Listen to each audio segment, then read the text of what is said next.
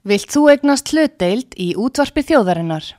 Sendu tölvupóst á hlutabref at útvarpsaga.is eða ringdu í síma 533 3943.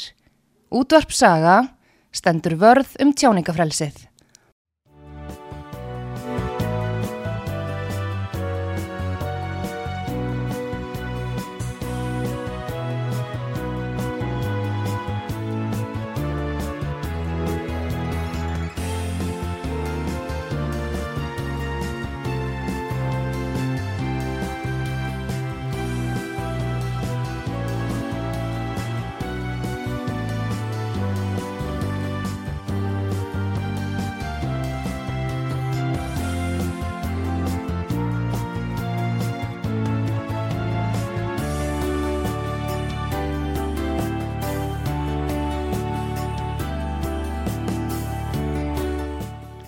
Komið þið sæl fyrir að hlusta á útvarpsögu.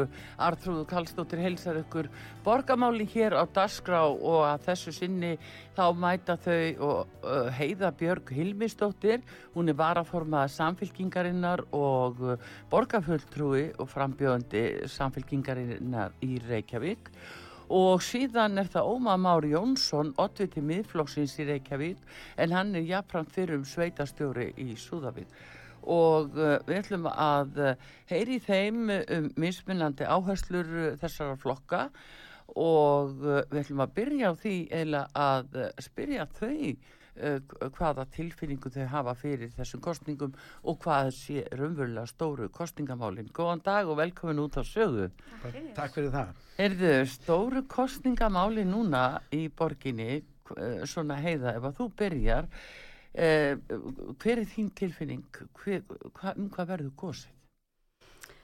Um, mín tilfinning er að, að húsnæðismálinn liggi ofalega í hugum borgarbúa uh, samgöngur og, og hérna svona svolítið skipilega hvort við ætlum að dreifa byggðinni eða hvort við ætlum, ætlum að þjætta og, og hérna bæta lífsgæðin Uh, en mér finnst líka þegar maður talar við borgarbúa, þetta eru kannski þau mál sem eru mest ábyrjandi umræðinni, en þegar maður talar við borgarbúa þá finnst mér að það nú samt líka vera velferðamálinn mm. að fólk vill að, borg, að borgin sé fyrir okkur öll, að öllum liði vel og, og að hérna, það sé hugsa um börn og, og gamalt fólk og falla fólk og heimilislust fólk mm. og, og þannig að mér finnst svona kannski stóru línunar sem byrtast alltaf í fjölmjölum sem eru húsnæðismál, skipilagsmál mm ég er ekkert, eh, sko, ég held að það verði kosið mikið um það, en það þýðir ekki að fólki sé saman mitt. Nei, akkurat, það bara kemst síður inn í dasgrána, eða inn í umræðina, það er svona greinilega mjög skipta skoðanir um þessi,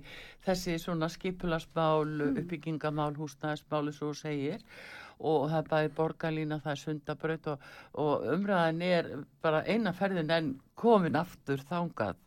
En hvað segir þú Ómar um hvað verður kosið? Ég horfi á þetta alltaf svona kannski af öðru sjónarhortni, mér finnst í rauninni sko byrja því að nefna fjármálborgarinnar mm. mér finnst þau að koma inn í algjör óefni og uh, hún er eiginlega sjálfur sér ekki lengur fjárhagslega sjálfbær og þarf að skuldsetja sig til þess að eiga fyrir afborgunum og bara venjulegum rekstri. Uh, fastegnamarkaðurinn gríðarlega mikilvægur uh, málaflokkur sem að mér finnst í rauninni bara hafa skort fyrir higgju og skipula sleysi sem er orðið til þess að við erum að missa frá okkur mikið af ungu fólki úr Reykjavík, við erum að missa frá okkur fyrirtæki og uh, þetta er heimatilbúin mandi sem að sko, verður að grýpa inn í. Nú síðan er það samgóngumálinn, gríðarlega mikilvægur þáttur og undir mm. því er í rauninni flugvöldurinn í Vasmyrni mm. sem er kerfisbundi verið að henda í burtu og síðan er það náttúrulega þessi svokallega borgarlína sem að ég tel að sé stór slís í að, að setja hana hérna inn í Reykjavík og uh, síðan er það náttúrulega bara svona uh, uh, þetta endur speklast allt í rauninni í miklum kerfisvanda í borginni. Mm. það er að segja sko stjórnsíslan hefur blásið alveg út á gríðarlegum hraða með miklum kostnaði en það hefur ekki skilað sér í bættri þjónustu til íbúa. Og það sjáum við bara á, á, á, á könnunum til margar ára þar sem að sko innan með 40% íbú er ósáttir við þjónustu borgarinnar. Og þá er eitthvað að. Og þá er alltaf í rauninni tveir möguleikar, það er annarkort að, að brettu bermóri gera eitthvað í því mm. eða hennilega bara hægt að, hægt að gera kannanir markast rannsóðin til að kanna afstöðu íbúana og það er það sem að borgin hefur gert og uh, það er bara í mínum hug algjörlega óskiljanlegt Hvað segir þú við þessu heiða uh, að hérna það sé svona mikil uh, útþensla á uh, rekstri borgarinn? Já, fyrst og fremst sko vil ég nú byrja á að leira þetta það að fjármálborgarna sé einhverjum ólestri. Það er mm. viðsfjari. Við eigum mun, mun, mun með eignir heldur en skuldir. Við höfum þetta að vera fjárfesta, við höfum verið að byggja upp íþrótta aðstöðu, skóla, leikskóla, íbúðakjarnar fyrir fatla fólk. Við höfum verið að opna nýja leikskóla og, e, og til dæmis höfum við opnað nú þegar á þessu kjörtumbili 11 bústutikjarnar fyrir fatlaða og ráðið þar inn 450 manns það er auðvitað, það kostar. En viljum við hafa borgina fyrir okkur all? Já. Við höfum tvöfalda fjármagnir sem að fer í, í, í máluflokk kvallasfólks og ráðið inn mm. fjölda manns þar. Viljum við það? Já, við viljum það. Við viljum fjárfesta í húsnaði og þjónustu fyrir íbúa borgarinnar.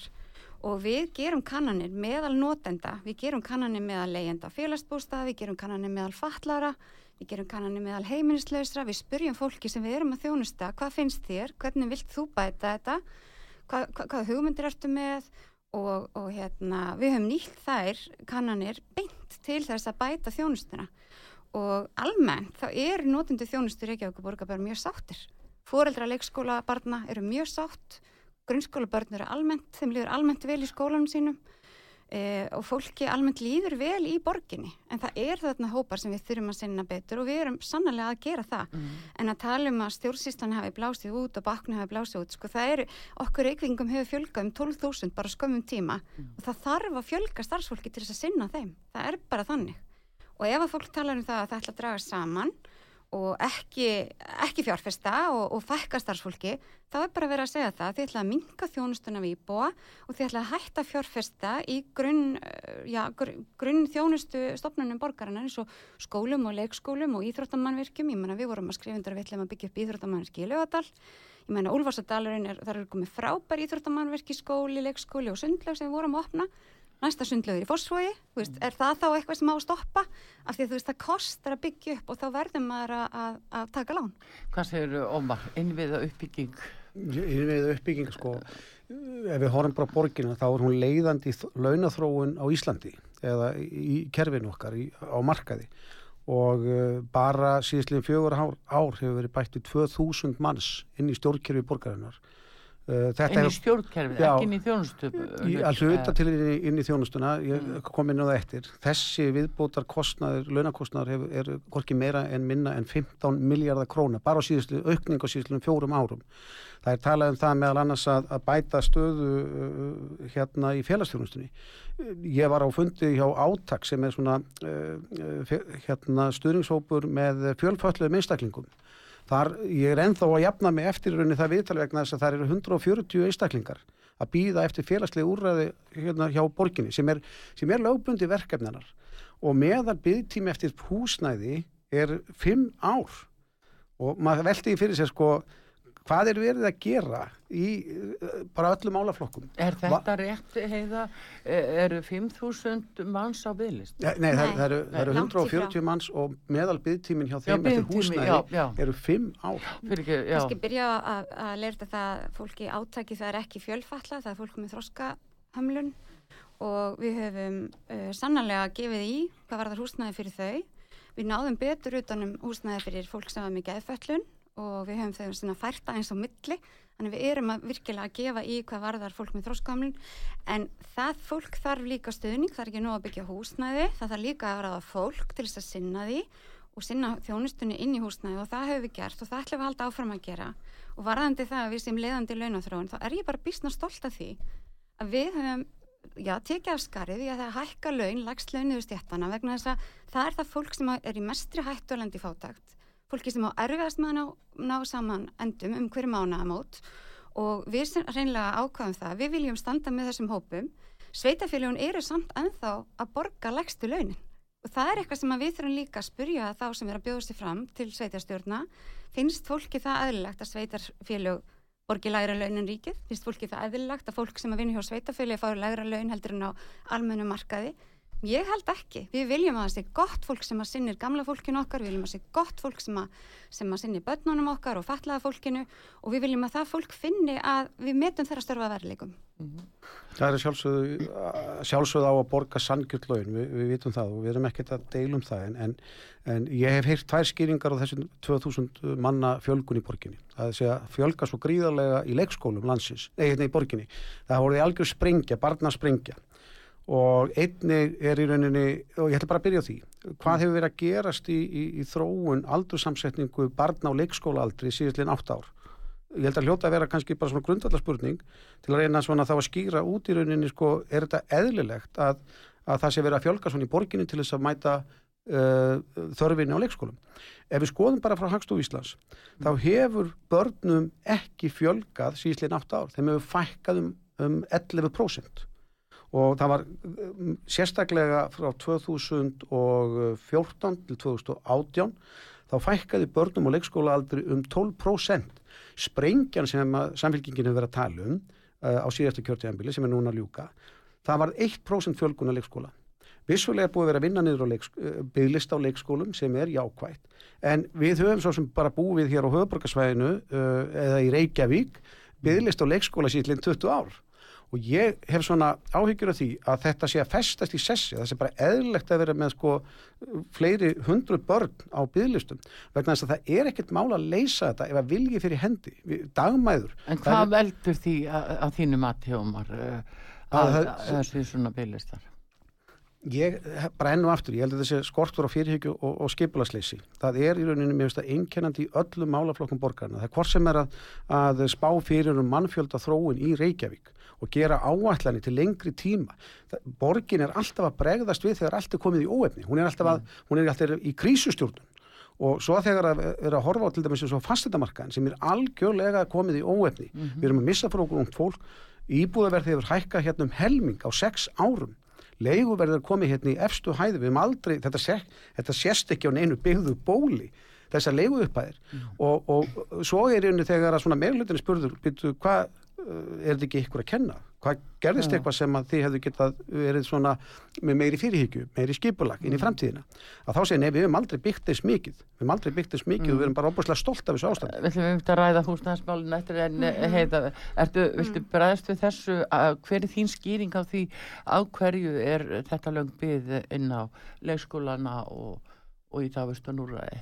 Já, sko það er auðvitað, leikskólar eru þannig að það er tekið inn á haustin þannig að það, mm. er, það er hérna þá byrja börnin í grunnskóla og, og hérna þá losna flest plás þannig að flest plás eru, eru losna á, á haustin og einhverjir sem að, já, fæðast sent árinu geta þurft að mm. býða eins lengur heldur en hinnir en við erum hins vegar settum okkur þau, þá stefnu að taka inn börn átján mánuða og byrjuðum á því núna síðasta haust þannig að flest er að komist inn sem voru orðin átján mánuða þá auðvitað leið og batt fæðist að ferða á bygglista og svo, hérna, svo spurning hvenar það kemst, kemst inn sko, hvenar fólki vil, uh, fóreldrarnir vilja að þau byrja líka á leikskóla.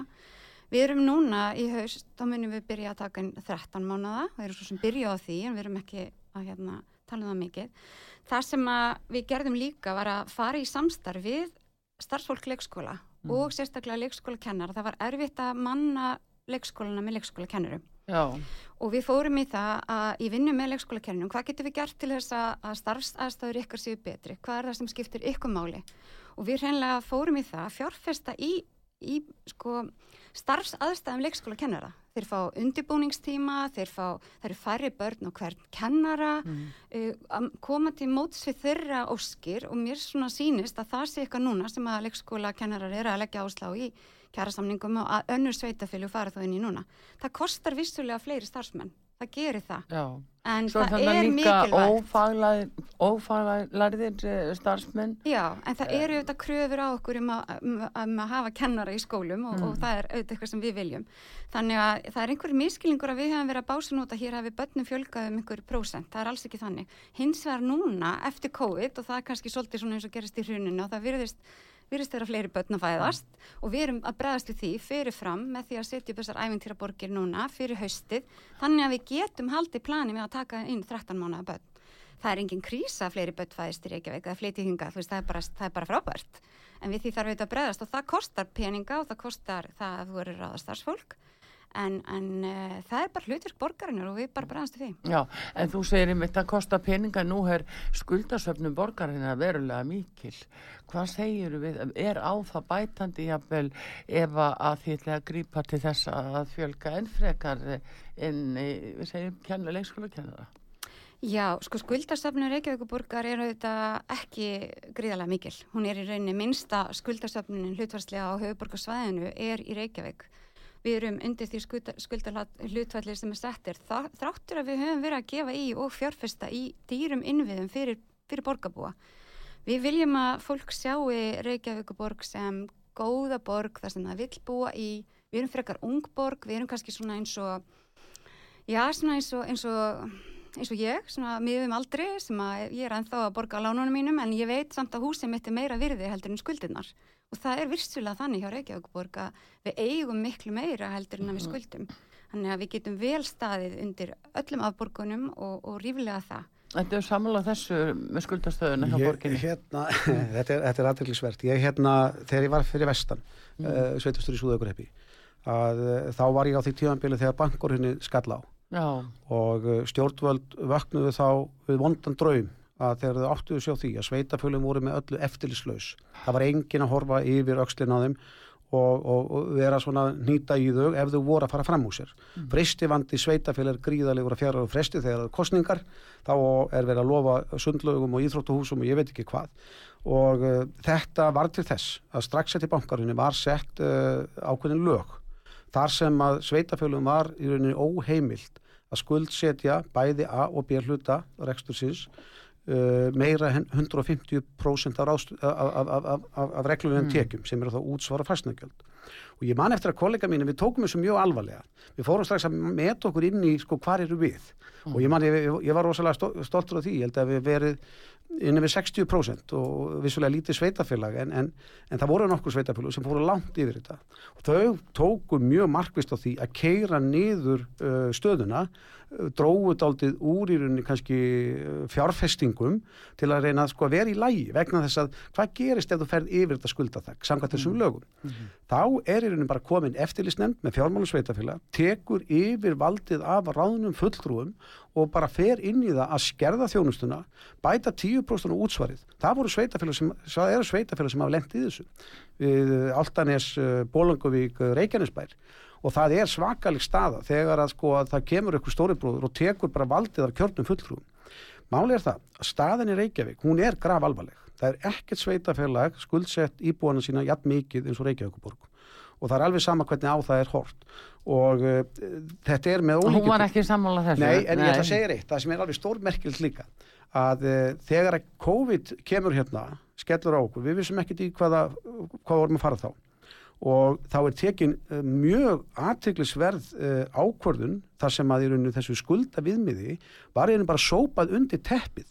Þannig að í dag er ekkert eftirlit með, með, með fjármála sveitafélag hins vegar er eitt stóri bróður að eftir sem að ég bind mikla voni við að, að, að nái nú að, að koma uh, borginni sko bara í leiðbenningar hlutverki og vonandi ekki dómi og, og alvarlegum hérna svona eh, áhrifum af því sem verður mm. en það hafa verið gerða mjög alvarlegar aðdóðsendir uh, eftirlistofnun EFTA sem heyrir undir Evrópusambandi og er að fylgjast með sveitafjölum í Evrópu og við heyrum undir það.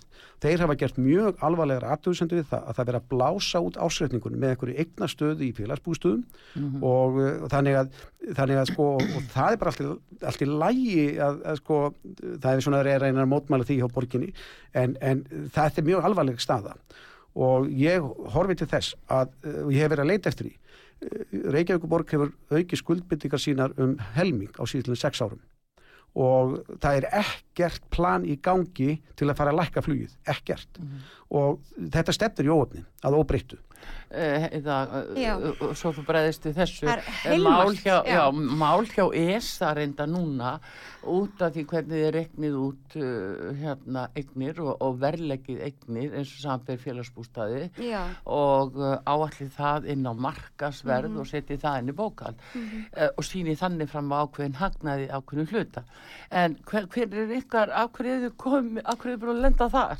Já, sko, Já, það er gott að leiður það, þetta er alls ekki EFTA, en hérna, Nei, þetta er ESA. ESA, þú það sagðir er EFTA. Já, það er efta. en hérna, en það er engin aðtöðasemt sem hefur komið frá þeim. Þeir hafa sendt inn spurningu þar sem Já. að það kom aðtöðasemt frá einhverjum á Íslandi sem se- var sendið þangað út og þeir hafa sendt spurningu tilbaka. Þeir hafa ekki gert neina aðtöðasemt við neitt. Þannig að allt Í- tal um það er bara ekki Þeir hafa rétt. gefið borginni kost á því að það er- svara við- hvernig já, borgin setur bæði sem þeir telja rángan. og uh, Reykjavíkuborg spurningu en í því er engin aðtóðasemt. Uh, skuldaviðmið voru sett eftir brun og þakka þér fyrir hvað þú ert ánægð með samfélkinguna þá því að við settum þessi skuldaviðmið og, og finnst það mjög mikilvægt að, að sveitafélug séu ekki ofskuldsett. Hins vegar þegar fólk byrjar að tala þarna um Reykjavík sem að, að við séum langt yfir 150% markinu og, og á bílutin saman, þá óttast ég alltaf, er fólk að tala um að það vilja selja orkuveituna? Er Alls það, er Alls það, vegna þess að orkuveitan er risastórt fyrirtæki sem er í bíhlutur Reykjavíkuborgar sem Mm. á miklar eignir, skuldar mikið, Já. auðvitað hérna, hefur áhrif þegar við tökum hana inn í reikningar Reykjavíkuborgar eh, en sko það er auðvitað mjög auðvelt að lækka skuldir borgarinnar mjög mikið með því að selja hana. Það myndir samfélkingin aldrei gera og, og ég held að meðan við eigum svona stórt fyrirtæki og ég held að sé okkar, okkar hagur, okkar reikninga, Já. eiga orkuvituna að þá bara þá verðum við með frekar að háa skuldir og við verðum bara að lifa með því en við vitum það að eignunar okkur og tekjurnar Mm. og framtíða gróða því að eiga þetta orkufyrirtæki er miklu, miklu meiri heldur en það. Já, ég vildi að menn muni nú hérna 2006 bara rey málið sem kom upp akkurat. þegar það var fyrir hugað að akkurat að selja orkuveitun og sem hefði jafnvel farið inn í ellendi eignarhald Já, og með tilröndi afleðingum Mhm. en það er nú kannski svona alveg sér umræður og hefur verið gaman að ræða þau mál. Jú, já, já, já, En, algjörlega, eh, en við munum koma, við erum, við munum koma Reykjavíkuborg undir þetta skuldaviðmið og Mm. það eru, á, hérna, við erum með góðar hérna, áallanir um það. Og fjármálastjórn borgarinnar, hún er ekkit aðalega bara í engungu í okkar höndum, það eru líka bara embættismenn sem þarna vinna og gera ársyklinga og gera áallanir og þeir myndu aldrei setja nafnsitt við það að ef þetta væri ekki ábyrgt, við erum með endurskoðundur, við erum með endurskoðundar nefnd og að segja að, að ársýkningar sé ekki réttir og, og hérna, allt sé í rugli, það er í rauninni líka bara að vera að vega starfsheyðri þessa fólks. Ómar, uh, formerið þinn uh, Vigdi Sögstóttir og hún uh, lit nú heyra daldi mikið í sér ymmit út af fjármálastjórn og kallaði það sökk og brakamálið og allt það uh, hvað segir þú við þessu sem að hún heiða er að segja núna? Það er aðdeklisvægt að heyra það sko að, og og mjög sérstakt að heyra það að, að til þess að reka borgina þá þurfa að veðja á bérhlutafyrirtæki til að, til að sko ná að standa undir unni bara rekstri alluta Það sagði ég reyndar ekki en, og, en og þetta með orkuveitur Reykjavíkur ég, ég, ég hef áhyggjur af þessu vegna þess að ég heyri það bara að borgin er að veðja það að hún geti sett aukna skattheimtu á íbúana sína til að rekka sig. Og, uh, og hörum bara til dæmis á fastamarkanin sem er í dag sem er heima tilbúin vandi ef að, ef að þessi fasteina bóla hefði ekki komið til Mm. þá hefði borgin ekki í alluta bara tapa 3 miljardum, það hefði nálgast 10 miljardar. Þannig að borgin fann að nærast á þessu ófremdar ástandi og á hverjum bytnar það? Það bytnar á íbúanum. Nú orkuveita Reykjavíkur Nú á, og það er búið að vera að keira upp verðin þar, hækka álögur til þess að geta borgað niður bara venjulega rekstur í alluta. Þetta er ekkit eðlilegt ástand. Og ég segi það að gagvart í rauninni hérna þessum skuldaviðmiðunum af hverju var ekki í rauninni gefin þá bara sveitafélum bara í staðin fyrir að bara að afnema þessi lög með öllu að, að gefa þá bara sveitafélum segja bara, heyrðu, nú eru þessi lög hérna en ef að sveitafélug telja þau fari yfir 150% viðmiðið að þá sækið þau um það. Og þau sýnið þá bara með skýrum hætti í, hverju þau, í hvernig þú áallega þú fari yfir skulda viðmiðið og hvernig þú allir sína að vinna það niður. Hvernig þú ætla að koma sér aftur og beina braut. Það er ekkert slíkt í gangi. Það er bara að vera að veðja það að fasteignabólan hérna haldi áfram og hún verður hérna 6 til, næstu 6 til 8 ár vegna þess að, að eh, hér hefur ekki verið brúðust við þessum íbúðar vanda Já, en þegar þú talar um að væri hægt að setja ykkur auka skatta hvartum í huga, hvað? Ég horfi á það í rauninni bara, sko, við sjáum til dæmis bara þegar það var útluta lóðum. Þa, það er komið eitthvað sem heitir innviða gjald. Þetta er bara aukin skattheimta. Það er verið að taka uh, ég, vil, ég myndi vilja miklu frekar horfa á þetta að sína ráðdeldi rekstri að hætta þessum gæluverkefnum allar þessa braggaverkefni sem að fara algjörlu böndun, ég er logandi hrættu við borgarlínu, þetta er verkefni á 150-200 miljardar, það veit engin hvernig þessi loka afur lítur út. Ég er bara áhyggjur af því að borgin hefur ekki sínt fram á það að hún geti með góðum hætti staðið undir stórum verkefnum. Nei, heldur ekki litlum. Hvað segir þið heiða? Já, þetta er ótrúlega yfirgripsmikil vandekning á, á fjármálu borgarinnar því miður sko. Eh, borga hérna, orkuvitan borgaði upp lán sem við veitum, Reykjavíkuborg orkuvitunni eftir að hún var nánast gældróta eh, þar sem að þau gottu fengið hagstæðari vexti e, á markaði núna heldur en að þeir fengu hjá Reykjavíkuborg Hvernig var það? 2014? 2014 Nei, þetta var núna á þessu kjörtímabili e, Við höfum ekki verið að lækka endilega sko, sko orkuveitan er sjálfstætt fyrirtæki með sjálfstæðarstjórn Já. og þar eru, þar eru fagleg stjórn og, og góð og við getum ekkert panta þaðan einhverjar greiðslur eða, eða sagt að hún sé hluta af aðhluta, það er bara ekki þannig þetta er sérstakt stort og flott fyrirtæki sem við hefum bara verið stolt af mm. það eru þetta mjög vant að húsnæðisverða hafa eitthvað svona mikið. Uh, þó að það megi segja að fastegnaskattar sem þó við séum með eina lagstu fastegnaskatta prósendu á landinu að þá hafa þær vistulega upphæðin hefur hækkað. En við höfum líka greitt út mun meiri húsnæðisbætur heldur en við höfum gert annars. Þannig að leigu, það að leiga hækki er ekki gróði fyrir Reykjavíkuborg á neittnátt. Vi, við græðum aldrei á því að það sé ekki gott fyrir íbúana hér að, að búa og ná endum saman. Það er alltaf okkar markmið að íbúanir hér, þeir ná endum saman, að þeim líði vel og, og við höfum auki húsnæðspætuna sérstöku umfram það sem er leipinandi reglu frá ráðaniti vegna svo, og við sáum að legan var að hækka mjög skarpt en við höfum líka á sama tíma verið að fjölga íbúðum í félagsbústöðum um 500 Það eru komin að 500 íbúður hjá Bjarki, það eru komin fjöld í stúdandi íbúða, það eru íbúður á vegum búsetta, það eru íbúður á vegum fyrrags eldriborgara, allt saman íbúður sem eru óhagnaði drifnar og, og betri leiga sem við vonumst til þess að komi þá í veg fyrir að allavega mingi þá ásóknin í þær íbúður sem eru á markaði því að markasverðið er alltaf það sem að ræður, jú, leiguverðinu mm. og eh, innviðagjaldi hefur verið í nokkuð langan tíma og það er einmitt til þess að komi veg fyrir þessa já, miklu skuldsetningu Reykjavíkuborgar við að, við að byggja, því við erum að byggja upp ný stór hverfi já, og e þau þarf að fá nýja skóla, við erum að fara að byggja núna fimm nýja skóla mm. og, og hluti af innviðagjaldinu fer í það að, að borga þessa innviði. Já, en samt hafið þið verið sko lagt áherslu á þéttingu byggðar og sérstaklega þarna svona í miðborginni og nákvæmni þar hefur verið mikil þétting byggðar þannig að, og verið kallað eftir því um þetta að væri meiri uppbygging í útkverfum. Já, það er, það finnst mér nokkuð nokku merkilegt. Eh, sko við erum auðvitað að byggja, ef þið hefði komið í vóakverfi þá er þar bara að mm. byggjast núna nýtt hverfi og fólk er að flytja þar inn og það er bara algjörlega dásalagt. Eh, við erum búin að skipilegja þar á móti á höfðanum, risastórt, mjög spennandi hverfi á alveg svona sólar brekku stað þar sem mm. verður gott veður og og hérna ég geti vel hugsað mér að búa þar sjálf. Og, og hérna og svo, síðan eru minni reytir sem við erum auðvitað að skoða. Nú við vorum að ganga frá því að við munum skipilegja keltnalandið mm. en við erum vissulega að búa til nýju hverfi Úlvarsadalurinn hefur verið á blúsandi syklingu allt þetta kjörtjumabil þar hefur verið að kaupa En það er samt ekki verið að byggja þar eða hvað? Jú, jú, jú, jú. Er það, það er verið að byggja Já, já, það hefur verið lóðir þar sem mm. hafa verið að fara út allt kjörtjumabilið og, og hérna gengi vel og ég held að núna með þessari nýju aðstöðu íþróttastöðunni og sundlöginni og, og þessari skemmtilegu miðjur sem er komin í hverfi að þá mynir það að halda áfram alveg á, á fullu, fullu fæti. Mm, hvað segir þú Ómar um þetta?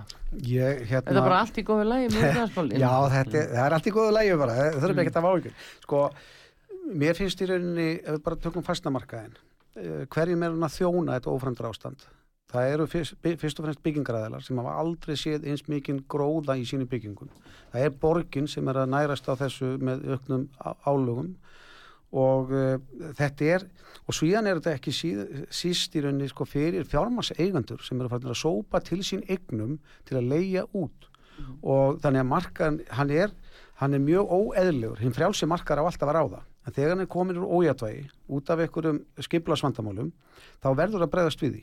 Og ég, við í miðflokknum við viljum setja bara á leiguþakk í samvinnu við stjórnvöld til þess að uh, minka kvata fjármasegenda til að fara inn á hana markað og, uh, og það sér henni verið að huga þetta út frá þörfum íbúana.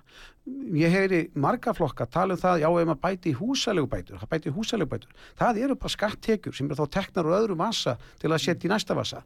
Við hefum verið að horfa á hva, hvar er vandin. Vandin liggur í því að það eru sko svona sérhagsmunir, sérhagsmunahópar sem er verið að næra vegna þess að borgin hefur bara sett okkur í þá stöðu og það er þessi var að tala um það eru fjármansegundur það, það er borgin sjálf og það eru byggingaræðilar og mm. það, það skilum það við erum að fóðura ranga hópa. Við eigum að láta snúa til íbúin heiða, er þið að, að fyrst og fremst að standa vörðum svona mm. uh, raunverulega byggingaæðila og stóra æðila sem að geta bara haft nú mikið að leigu fólki og jáfnvel ungu fólki sem fær ekki greiðslumat, getur ekki eignast í túsna og, og dæmist í það að taka hvaða leigu sem er Nei, alls ekki, bara reynd ekki. Og ég held að einmitt þver öfugt, það hefur sko 70% af því húsnæði sem hefur verið byggt upp á Íslandi mm. í gegnum almenna leigu hérna, nei almenna hérna, húsnæðisuppbyggingarkerfi sem var sett upp þannig að þú getur fengið stofnframlegu frá ríki og sveitafélugum, það hefur verið byggt upp í Reykjavík. Þannig að vandamálið ef eitthvað er, það er þá frekar hins sveitafélugum sem ekki eru að taka þátt í því að byggja upp óhagnadrifið húsnæði. Ég veit að það eru fleiri sveitafélag sem eru tilbúin til þetta núna og við hefum verið að leggja áherslu á húsnæði sáttmála þannig að við getum bara gert reynilega samkominlega við önnu sveitafélag um að byggja upp líka uh, meira húsnæði fyrir tekjulagri hópa af því að það reynilega skiptir máli og það er ekkert eðlilegt að 70% af þessu húsnæði í sér Reykjavík þar sem við búum 30% landsmanna en við erum stolt af því vegna þess að okkur, okkar verkefni er að sjá um það að Reykjavíkingum að þeim gangi vel að ná endur saman að þeir geti búið við mannsamandi aðstæður og í góðu örugu húsnæði. En ég er hins vegar sko sammúla, sko mér finnst það gott sem að kom frá þér hérna, um að byggingaræðala græða. Því byggingaræðala græða er náttúrulega mest á svona markaði og þeir eru að byggja upp. En þeir fá útlutað. Þeir fá útlutað. En ekki en, kannski einstaklinga sem að lítið hafa. Þeir, en þeir, þurfa, þeir myndu ekki selja íbúðuna sínar krónilagra ef þeir styrt ekki að borga þetta innviðagjald sem á maður var að kvart yfir mm. áðan. Þannig að innvegagjaldi er þó hluti sem við fáum í okkar mm. samheila sjóð til þess að byggja upp leikskóluna, grunnskóluna, gödurnar, alla þjónustuna í kringum íbúðuna sem að þarf af því að byggingaraðalar eðlilega er á frálsum markaði og þeir vilja e, mm. græða sem mest eins og flestir sem eru þar. E, þannig að, og við hefum kallað eftir því að, og ég sammála því að það er áhugjefni að, að fjármaks eigundur séu að að sanka þessi íbúðum og ég vil halda þeim tómum til að hækka leguna. -huh. Við hefum kallað eftir því að fá skatt á slíkar íbúður og það eru auðvitað ríki sem þarf að setja hann og við hefum heldur ekkert verið neitt uh, hverki á móti því að það veri sett á leguþak á Íslandi.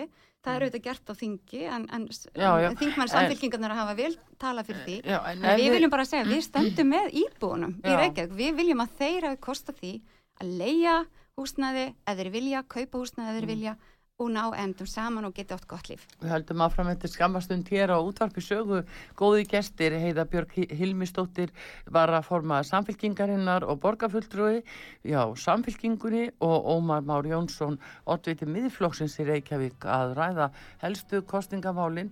Við höldum áfram hér og eftir og uh, förum yfir í skipulasmálin og samkvæm.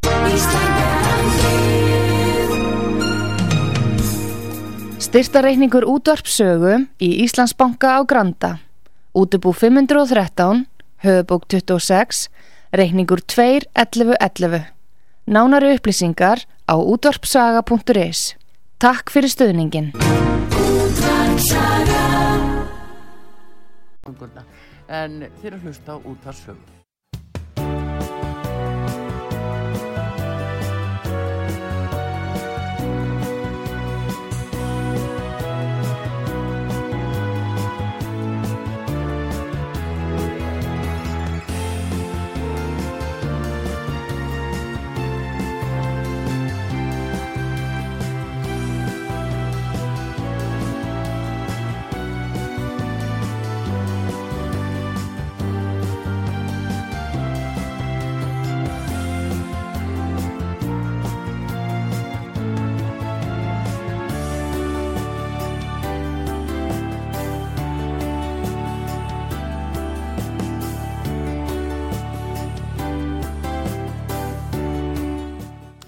þið sæl aftur þegar að hlusta útvarsögu. Heiða Björg Hilmisdóttir eh, var að forma samfélkingarinn og, bor og borgarfulltrú í Reykjavík. Hún er hér og Ómar Mári Jónsson, oddviti miðflóksins í Reykjavík. Nú, uh, það eru samgöngumálinn og skipilasmálinn sem að hafa verið mjög í umbræðinu núna fyrir þessa kostningar. Hvað segið um þetta borgarlína eða sundabraut eða hverju tvekja? Hvernig er stemningin? Hvað segir Ómar, ætla þú byrjir ekki? Ég, ef byrjum á sundabrautinni, mm. hún er bara gríðarlega spennandi verkefni og maður hefði náttúrulega vilja sjá hana bara miklu fyrr. Þetta var byrjað hanna hana 1975 og hún hefur verið alltaf vinsalt kostningarlofur mm. núna í sveitistunarkostningum og, og en það, það þarf bara að fara að setja þetta í frangand. Ég hef samt áhyggjur af því að, að e, það geti orðið eitthvað skipulaslýst þarna eins og oft áður e, þá, og sérstaklega með í gufunissi vegna þess að í aðskipula og deilisskipula er búið að vera skipuleikja byggð sem er eiginlega bara ofan í legu sundabreyturinnar. Þannig ég hef bara miklar áhyggjur af því að þetta verði eitthvað vesen þegar að því kemur að setja hana í, í, í hérna framkvæmd. Þetta er, er arðbær fjárfesting mjög, hún tekur þungaflutninga frá sundahöfninni og uh, hún er líka neyðabrönd ef eitthvað kemur upp á einu Reykjavík þá er hún, Já. þannig að allan daginn að þá viljum við sjá sundabrönd og við viljum bara að þessi verði flýtt eins og hægt er. Þetta verði ekki eitt af þessum málum sem að verði hérna kostningamál eftir 12 ár. Já, einmitt, eh, eh, hérna heiða mm fyrir síðustu kostningar þá töluðu þið um já, borgarlínu, þið töluðu um miklu bröndi stokk mm -hmm uh, einhvern veginn finnst manni þetta bara allt verið að komið aftur og hvað er búið að gerast. Og síðan í millitíðinni þá er engin sundabrönd og, og, jáfnveg framkvæmd er ekki hafnar. Að hvað er það sem tefur? Er þetta hugsanlega, ég var að horfa á uh, ykkur í umræðum á stöðu 2 fyrir kvöld mm -hmm og þá fannst manni haldi hverjum svo bæði vinstigrænir og pírata væru bara andvi í sundabröðinni er það hugsanlega skýringin á því af hverju kannski borgarmeiri hlutin hefur ekki farið brattar í þetta mál að leysa sundabröðina Sundabröðina, sko síðast þegar sundabröð kom fyrir borgarstjórn þá eru allir flokkar sammála um það að hún þurftar í Ísa og hún ætti að vera í göngum. Þannig að það voru svo sem engin, engin hérna, átök um það í sjálfur sér sko þetta er auðvitað ríkisframkvæmt, þetta er Já. auðvitað stoppvegur þannig að Reykjavíkuborg mun ekki fjármagn og sundaverið. Reykjavíkuborg eh, er hins að tilbúin til þess að vinna með yfirvöldum að því að skipuleggjana og, og það sé gert í sátt og, og samlindi við íbúana og það sé mm. gerðar þessar félagslegur ansóknir og annað sem er núna er búið og, og við fögnum því bara að það, að það komi fleiri e, vegir inn í borgina. Já, en, en hafa reykvingar eitthvað verið spurður um það hvort þeir vilja þetta strax eða ekki? Já. Hefur slíkt könnum farið fram? Já, reykvingar vilja almennt sundabraut. Mm. Þeir eru, uh, hérna, þeir vilja það og uh, það hefur líka verið gerð könnun meðal þar sem að svona í, í lögadalunum og þar sem að hefur verið talað um að, á sundabrautinni að koma upp og það eru auðvitað ákveðnar áhugjur, mm. sannlega.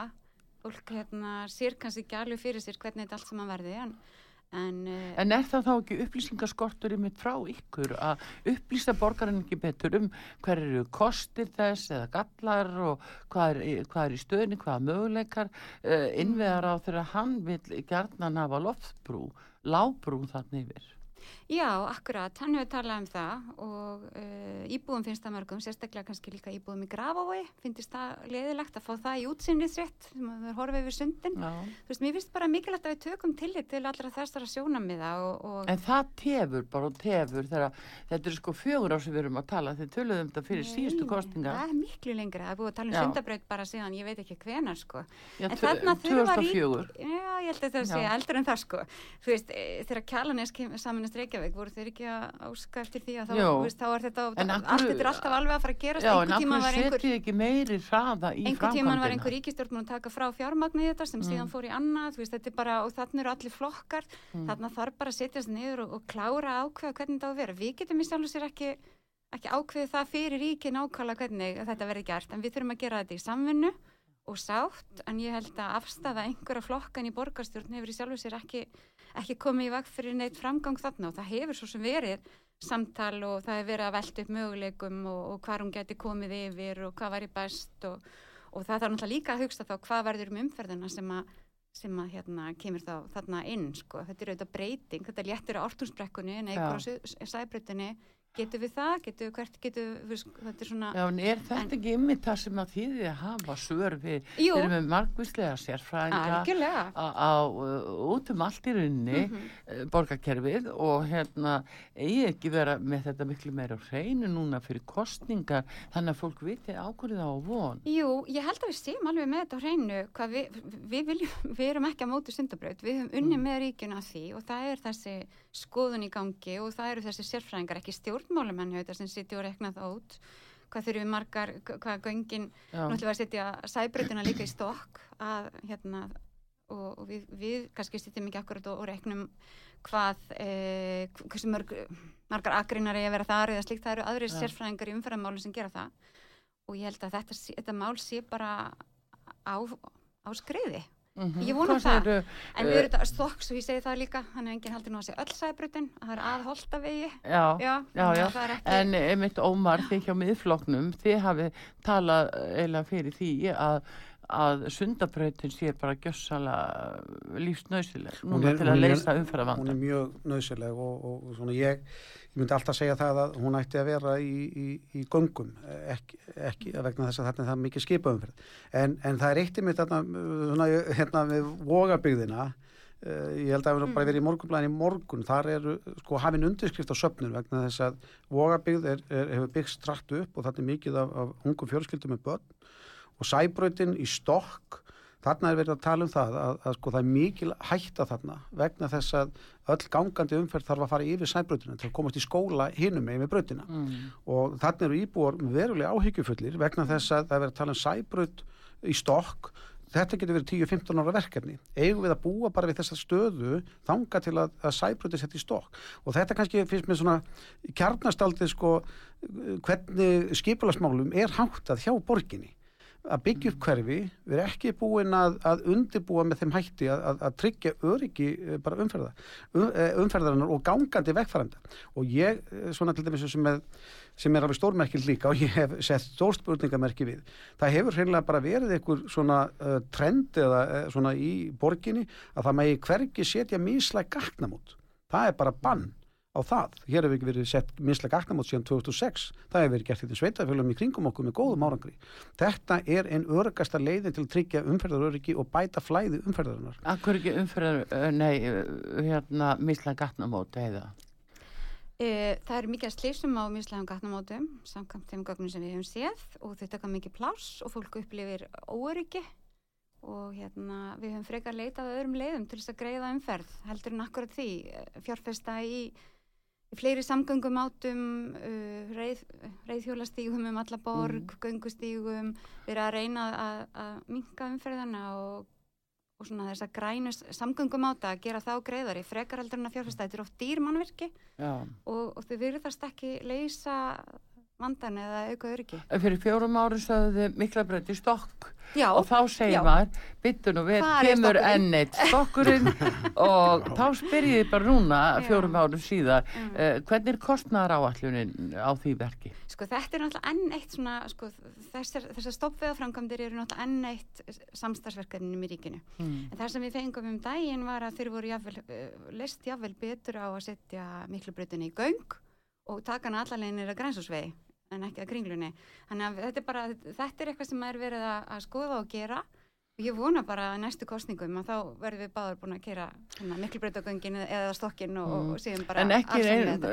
ekki svona kostnæðar áallun, liggur hún ekki fyrir núna? ekki, ekki sem ég man akkurat Nei. núna að fara með einhverja tölur en Fjórum árum ha? já, já. Já. en þetta er eitt af því sem að ríki og sveitufélagi gerir saman og, og þetta er í miklu sátt og samlind og ég held að séu allir eiginlega allir flokkar tilbúinu til þess að sam, samþykja það að þetta er, þetta er góður ástöfuna fyrir Er Þarna það er ómar mikil- mikil... mikla breyti stokk? Sko ég segi að, aðeins varandi vogabyðina er kannski hérna talandum sko, sam, í stóra samhenginu samgöngumál í borginni.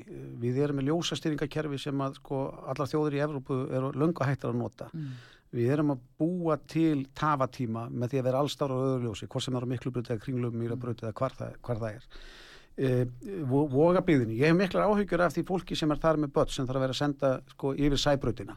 Mm. Uh, hér urðu, bara á síðasta ári urðu 200 mann sem slösuðust alvarlega dó í umferðinni og uh, við, eigum að taka miklu fastar á umferðar öryggi og að, leitast við að, að minka tafatíma.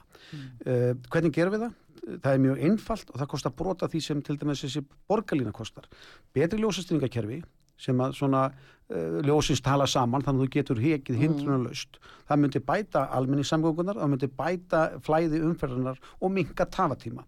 Það er að taka gangandi fólk af göttunum, af sæbrautinni, annarkvort í raunum í undirgöngum eða með uh, yfirbyggum brúm þetta er mjög víðan sem þetta er gert með góðum árangru þetta hefur sínt sér og sann það brýr yfir á sæbrautina er náttúrulega mjög uh, kostnæðarsamt vantarlega vegna að þarna eru svo miklir svona uh, þunga uh, bílar sem er að keira með mikið stóra já, já. farm. En, en mér finnst alltaf, við verðum að hafa umferðar öryggi í fyrsta sæti. Það við megum ekki vera fórna meir í mannslífum vegna þess að það er ekki nógu vel hugað að samgöngu öryggi í, í, í, í borginni það er bara þannig. Og ég segi það að, að, að núna talaðum um að setja í stokka. Jú, hugmyndin er fín en, en sko þetta eru svo stóra framkvæmdir og stóttbröytina sem við erum í í dag eru mjög góðar, þetta eru góða stóttbröytir og það er auðvelt að bæta þér að fara hérna í eitthvað 15-20 ára verkefni sem er svo kvöldu borgarlínu. Hvert eigum við að beina umferðinu með hann? Hvert, hvernig eigum við að haga umferðarmálum í Reykjavík með því að, með því að, að, að sko hálpartin þvinga þetta inn í, í borginu sem nú þegar hefur mótast í mjög mörg ár, 20 ára? Já, uh, aðeins er mitt á borgarlínu og heiða það mm -hmm. sko uh, Var nú, þetta var nú kannski stóra kostningamáli eða svona uh, sem þið töluðu fyrir síðast. Uh, þá er alltaf freistend að spyrja hvort það séu komlega kostnæðatölur á það núna þessa framkvæm og síðan annað það að því að nú skils mér að þetta séu bara aðeins stærri vagnar á, á fjórum hjólum aðeins lengri en eh, og með sér akreinar er ekki hægt að nýta betur bara þær akreinar sem eru hjá stræt og núna og, og bara mm. útfæra það bara með meiri fjölda uh, vagna eða já tíðari hérna stoppum Jú, akkurat, sko, mér langar bara að byrja á að segja varandi að, að ég er hjertalega sammála að markmið okkar með því að, að stýra umferð er alltaf að tryggja öryggi íbúa og sem betur fyrir hefur uh, slísum í Reykjavík fækka verulega. Það var náttúrulega bara hérna fyrir nokkrum árum mm. og lungaðan ég kom í borgastjórn sem var kyrt á börn og, og, og hérna bara skelvileg slís og þar hefur verið farið að þrengja götur og núna breytum við þannig að inn í íbúa hverjum eru almennt göturna með 30 km hamasræða En við aukum ekki öryggi með því að gera umferð greiðari um borgina. Við aukum frekar öryggi með því að, að opna fleiri e, samgöngumáta, hæja á umferðinni og reyna kannski að, að leifa fólki að velja meira hvaða faramáta vil mhm. nota. Og þar mhm. kemur borgarlínan sterkinn. Og þessar, þessar stoppbröytir, e, það er pláss víðast hvar til þess að koma við mm. borgarlínu akrein. Við sjáum bara ef við horfum á miklubröðina allt veghelgunarsvæðið hérna túnin við hliðina, sitt hverju megin sko, og sæbröðin líka. Það er, veist, það er almennt gott plás þetta er svolítið flókið. Stundum þegar við förum inn í borgina en það eru úrlöstunarefni sem við þurfum bara að leysa. Og við munum að sjálfsögðu nota þar sem eru komna svona sér agrina fyrir strætó. Mm -hmm. þá munum við nota þær og, og þetta eru svona þetta er svona leið til þess að gera almenningsvagnanótkun aðgengilegri, betri upplifun, hraðari, það er meiri tíðni, það er fallegri, betri byðstöðar. Þetta er svona að vera þess að fjárfesta, því við höfum fjárfest svo mikið í innviðum fyrir bílinn og við höfum bara, það er svo óbáslega, bara við erum búin að tala núna um nokkur, sko, mísla gatnamót og, og stokka mm. og, og sundabraut og þetta er eiginlega allt svona hugsa fyrir bílinn. Og, og okkur finnst svona komin tíma á að fjárfesta og sem betur fer af því þetta var nú okkar áhersluatrið fyrir fjórum árum og núna er komin þessi samgöngu sáttmáli höfuborgarsvæðinu þannig að ríki eru sammála okkur sveitaféljóðun hinn hér á höfuborginu eru sammála okkur í kringum höfuborgina og við erum það komin hönnun og þetta er að gerast þannig að borgarlína.is og það eru allar upplýsingarnar. Einmitt, en, en samt, hvað á þetta kosta? Ég er ekki akkurat með þá já, ég er ekki akkurat með þá tölu í huganum hvað þetta á að kosta og, og þetta tekur ákveðin tíma og við erum að byrja á fyrsta legnum núna en, en með þessum samningum daginn með, með Kjeldlanandi sem vorum að gera við ríkistjórnina þá, þá munir þetta hraðast og þá að þá endur reikna og skoða það en, en þetta er auðvitað bara þetta samstagsverkefni og heildartalan líkur einhverstað rann í gögnunum. Já, en eins og þú segir sko að Kjeldnalandinu þar á að byggja síðan íbúðarhús mm. eða hvað með liðina mm -hmm. þetta verða óhemmi dýr, dýrt húsnæði þetta verða ægilega dýrt húsnæði Já, Kjeldnalandi er stort og mm. Reykjavíkuborg hefur lengi ásalst það, ég held að ég hef séð bara síðan 1950 þá mm. eru Reykjavíkur farnir ásalast, þannig að við verum bara að sjá hversu dýrar og hversu flottar það er að verða en, en hérna En það er ódýrar að kaupa sér íbúið eða þú þarf ekki að kaupa í bílastæði. Ég menna mikið ungu fólki núna til dæmis hefur ekki áhuga að borga fjórum-fimm miljónum meira fyrir íbúið eða fær bílastæði með. Villir ekki að sleppa því og nota þann peningi eitthvað annað og, og, og kannski eru það einhverju sem munir flýta á kjálnalandi eða, eða... Já, já, nú er bara svona veðurskilir hérna á Íslandi að fólk er mjög háð því að hafa enga bílinn og það er ekki, sko, fólk er ekki að fara með kannski 2-3 börn og mm. yngum á pókana mm. inn í strætó eða mm. inn í borgarlínu. Þetta er bara ekki, þetta er bara ekki gerlegt í, í, í 15, sti, 15 stiga kulda, nei. Já, frosti. Nei, en það er alveg Þetta er alveg, alveg ferleg staða því að við já, bara já. búum í svo köldu landi. Það er alveg rétt hjá þér og það er heldur alls ekki þannig að allir eigi að fara að nota þessa borgarlínu. Og fólk með áfram eiga bíla og það er áfram gert ráð fyrir því að bílum fjölgir Reykjavík það er ekki neittn að neyða neittn í neitt við erum meira að skapa valkosti mm. valmöguleika og gera þá góða og hraðvirka og En er það að fara að sitja vegtóðlega eins og í ártúnsbrekkuna? Það hefur ekki verið til umræði Hvað segir þú? Það, ég hef nú heyrt það, já, það sé hluti af því til að fjármagna þetta. Aðeins varðandi kannski samgöngunar. Uh, það er, við verðum að gæta þess að, að, að þrengi ekki að neinum samgöngum áta að kostna annars. Við verðum að stór ebla hérna almenningssamgöngur en við búum bara við þá sko raunveruleika að það er innan við 4% sem er að nota strætó í dag. Horf, við horfum hérna bara strætó akka hérna um nánast algjörlega mannlusa nema bara fyrir utan bílstjóran og uh, það er eitthvað að þar og það hefur verið lögð fram og Vigdís gerði það nú uh, nýlega að leggja fram tillugu að uh, vera með bara með uh, stræt og gjald frjálsan þannig að þú getur bara farið og til að sjá hver er hinn raunverulega þörf fyrir hann. Já. Ef okkur tekst ekki að reyka strætó eins og við erum ekki að gera í dag, hvernig ætlum við þá að reyka borgarlínu? Það, jú, ég sé það. Það er eitt möguleiki. Það er með því að þrengja svo að engabílunum að það er ekki nokkuð leið að fara hérna um bæin í engabíl vegna þess að þá, þá, og, þá, og síðan að þvinga fólk til þess að fara að nota strætó. Þessi betur fyrir enginn að fara að gera það. Ég, ég, ég, ég veit bara samgöngu fyrir alla. Við hefum alveg glemt líka já. að tala um fljóvöllin í Vasmíri Já, já, já.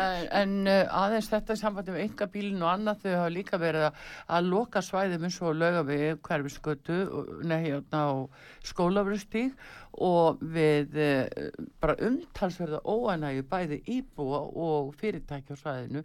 Hvar eru fyrirtækin sem voru eins og uh, já, á þessu lokuðu svæðin þau eru meira að farið hvað á komið stað? Það er þetta bara einhver hafa farið og eru ónæg og önnur eru mjög ánæg og, og hafa komið. Þannig að mm. það eru þetta bara eins og gengur. Eh, almennt finnst mér að vera jákvæðni borgarbúa í gáður þess og þegar við mm. höfum metið það þá hefur almennt borgarbúur hafa verið ánægir með, með lokanir og að, að þeir fái að ganga göttunum sínum en að, en að það sé ekki alls það bílar. Það er einhverju öryggið líka, þetta var hérna, líka öryggis aðgerð en þeir sem að þurfa að nota bíl þeir nota ennþá bíl Já. og þeir sem að þurfa að komast að á bíl þeir, þeir gera það. Og, og þeir sem er jafnvel að gera heim til sína á svo lokuðu svæðum uh, fá lörgluna eftir sér að þeir, þeir vera sagt nefnum átt ekki að gera þetta Já, er auðvitað ferlegt fyrir þá sem búa að það Já, það, það getur verið að það sé það en þeir hljóta þá að, að þekkja hverjir keira um til að fara inn til sig. Það er svo mm. nögg og kom farið að merkja hérna mm. ferðir einstaklinga. En, en við erum auðvitað, við erum auðvitað stórborg og ég menna mm. við sjáum strikið og við sjáum drottningargötuna, strikið Kaupmannhöf, drottningargötun í Stokkólmi, við sjáum Karl Jóhann í Oslo. Við verðum að eiga okkar, okkar stóru göngugötu þar sem við getum gengið um og sapnast saman og glaðust og, og fagnað og og þetta er bara okkar gata. Og svo eru allar hinnar fjölmörgu sem við megum Já og sjáðu svo hvað um hefur komið í staðin sem er svo næstu lögum bankastræti það er bara sérsveitin mættum helgar út af sko, slagsmálum, nývabartugum og öðru slíku af því að fólk færist út á götun af því ekki lefumferð Ég held að það sé samt ekki endilega tengt í hvort það er bílar þar eða ekki. Ég held að það sé meira bara skemmtanarlifi og fólk er eitthvað eitthva, hérna, að missa tauminn þar Það er eitt af því sem við hefum líka verið að vinna öryggi skemmtistæður og samstarfið við, við löguruglu, slökkvilið og, og skemmtistæðana, hvernig við getum aukið öryggi í gungunni. Mér langar að koma að þessu. Er sko, ég, ég er að reyna alltaf að skilja af hverju ákvarðanir eru teknar hjá borginni, uh, sérstaklega í skipilotmálum og ég horfi til dæmis eins og bara stöðuna í miðbænum í dag. Að, að við erum við erum eftir hópa rosalega gestriðsinn við viljum taka rosalega vel á móti gestunum sínum. Mm, og ég held að við píldi glimt okkur með því að setja hagsmunni uh, í meira forgang heldur en hagsmunni íbúana á svæðinu. Og ég ætla að nefna af hverju. Það er ekki algengt að við sjáum skemmtarlífið opið til klukkan 6 á mótnana í, í, í íbúðakverfi það er mjög óalgengt og þarna er í rauninni horfðið þetta svona, við sjáum á uh, til dæmis eins og laugavegin að loka laugaveginum. Þetta er ekki þá þeirra vestlana sem þarna eru. Við eigum að hafa uh, laugavegin opinn um, á veturnar. En það er alltaf lagi að, að tímabundið á sömurinn Í eigum bara við þá sem þarna reka fyrirtæki. Já, sjálfsögðu þarf þetta að vera í sátt. Við, við, við, við verðum alltaf að huga fyrst og fremst að okkur sem búum í borginni við okkar forsundur eiga að vera nummer eitt síðan gestan okkar sem sækja okkur heim. Við megum ekki byggja upp samfélag sem gengur engung út af það að þjóna öðrum hagsmunum eins og ég var að tala hérna um áðan.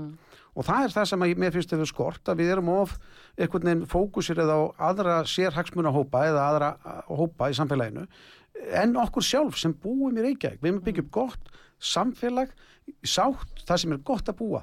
Saman Setjum um X það. við Gott samfélag í sáttast með gott að búa, sko. Já, Það það, er- nú er bara, exin eru komin hérna á lofti en svona alveg að síðust, ég verð að spyrja ykkur ansvið flugvöllin því að þetta er mikið áhyggju efni fyrir marga, þetta er nú flugvöllu svona sem þjónar allir öllu landinu og á að gera það, en útleitt fyrir að það verður bara eitt daginn búið að byggja á þessu landi og fólk svona er mjög með skipta skoðanis. Á flugvillinu? Já, Já, það er nú fátt sem getur lift upp partíum mm, betur heldur en heldur en að fara að ræða flugvillin, sko. hvaða samkvæmi sem er. En, já, eiginlega hvaða samkvæmur sem er, en hérna, en nú er, sko, það, nú er það sáttmál um það og við ætlum að reyna að finna flugvillinum annan stað í samstarfi við ríkið og þanga til er hann á sínum stað. Það er hluta af samgöngusáttmálunum og, og hann er, þá eru nú margir ósáttir við það og, og, en maður verður að gera málamelanir og, og við verðum að, að finna út úr þessu saman. Það verður auðvitað að vera flugvillur og flugsamgöngur Já, já. við Reykjavík. Þetta er gríðalegt öryggisatriði, alveg opbóslagt.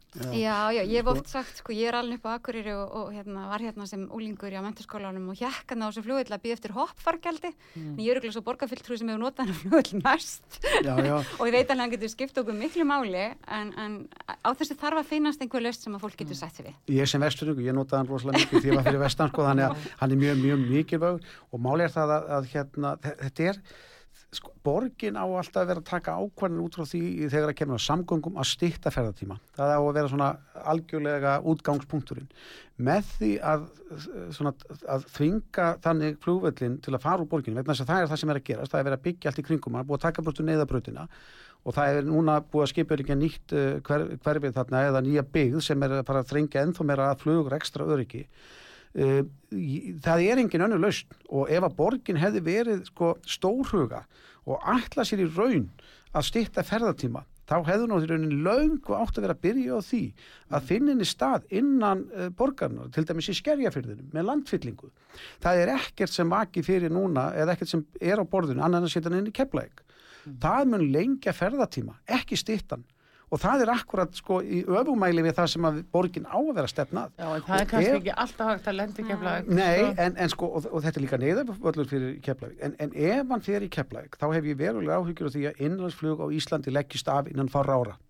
Það er bara þannig. Þetta segir þú með flósmaðurinn, þið viljið semst eh, hafa flugullin áfram í, í Varsmýri. Já, Samfélkingin segir þetta. Ég held, já, ég held sko, akkurat ef við nota rökin hans ómars hérna áðan, en við erum alltaf að vera að hugsa um það þegar við erum að skipa líka borgin okkar, við sem hugsa um hana fyrir reykvikinga, frekar heldur en gestina, þá hljótu við að vilja e, nýta þetta frábæra svæði í Vastmýrinni fyrir okkur borgarbúa. Nú er það bara afgirt og ég veit ekki hvort þið hafi lappað ringin í kring, þetta er risa stórt svæði. Ég held að enginn myndi skipilegja borgina þannig í dag að þarna væri gott að setja flugvöld. Ég held að enginn myndi setjast niður og staðsetja hann þarna í dag. þetta, Ef við getum unnað því í sátt við borgarbúa og í sátt við ríkið og aðra, finna honum annan stað, þá held ég að það sé gott. En þetta er ekki eitthvað á ö í því að borgin byggist upp fyrir alla hópa, að við náum að búa til húsnaði fyrir alla. Við getum gert það samt meðan við finnum lausna á sig.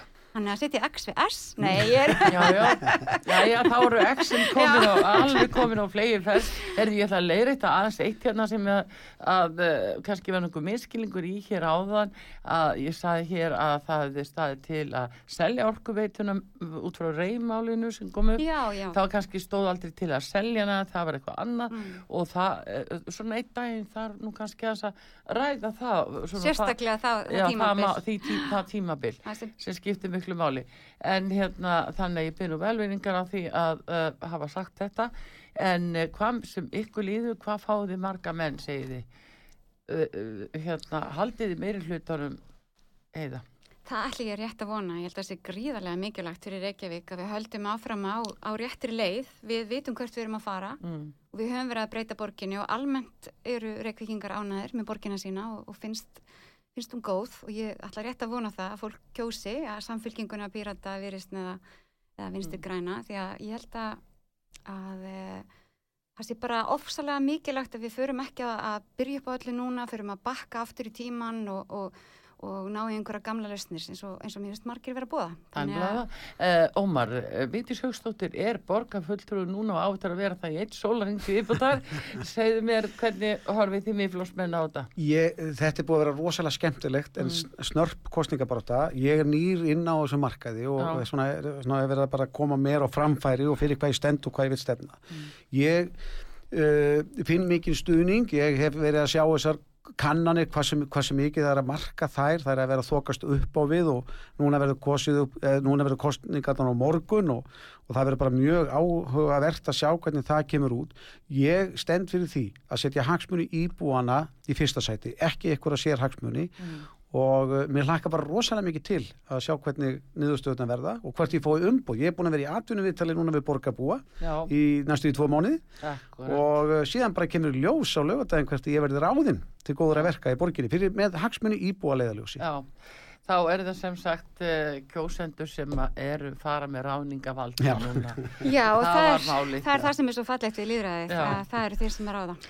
Það látum við verða að loka orðin, gangi ykkur uh, virkilega vel báður tveimur, Heiða Björg Hilmisdóttir, uh, varaformaða samfélkingarinnar og borgarfulltrú og frambjóðandi samfélkingarinnar í Reykjavík og Óma Már Jónsson, oddviti miðflóksins í Reykjavík og fyrir sveitastjóri í Súðavík. Bestu þakki fyrir Takk komin fyrir. Takk fyrir að taka á mótið mér. Já, og við þökkum fyrir hér á útvarpi sögu fyrir þetta og þar með setjum við kannski punktin yfir í varðandi uh, borgamálin og sveitarstjórnamálin í þessum kostningum. Við auðvitað óskum um öllum uh, uh, góðs gengis og ég tek það fram að hvað við erum ána hér á sögu með alla þá góðu viðmælendu sem við höfum átt og, og hvað þetta er gott fólk sem er að taka þátt í, í uh, kostningunum og hérna við óskuðum virkilega alls góðs og ykkur að þið verði ánami niðurstöðuna. En uh, hins vegar hér og eftir þá ætlum ég að bregða aðeins og leik með ykkur hlustendum til að spila Eurovision lög og uh, fáum öllisinga fyrst en svo förum við og þið getið sagt okkur hérna hvað þið tellið að verði sigur strángli lög. Ef þið viljið eitthvað raða því og velja lögin sem voru til dæmis komust áfram í gær. Feikilega mörg góð lög sem komust áfram í gær. Heyrjumst aftur eftir skamastund Artrúð Kallstóttir þakkar ykkur fyrir. Taknum maður Einar Karl Gunnarsson verið þið sæl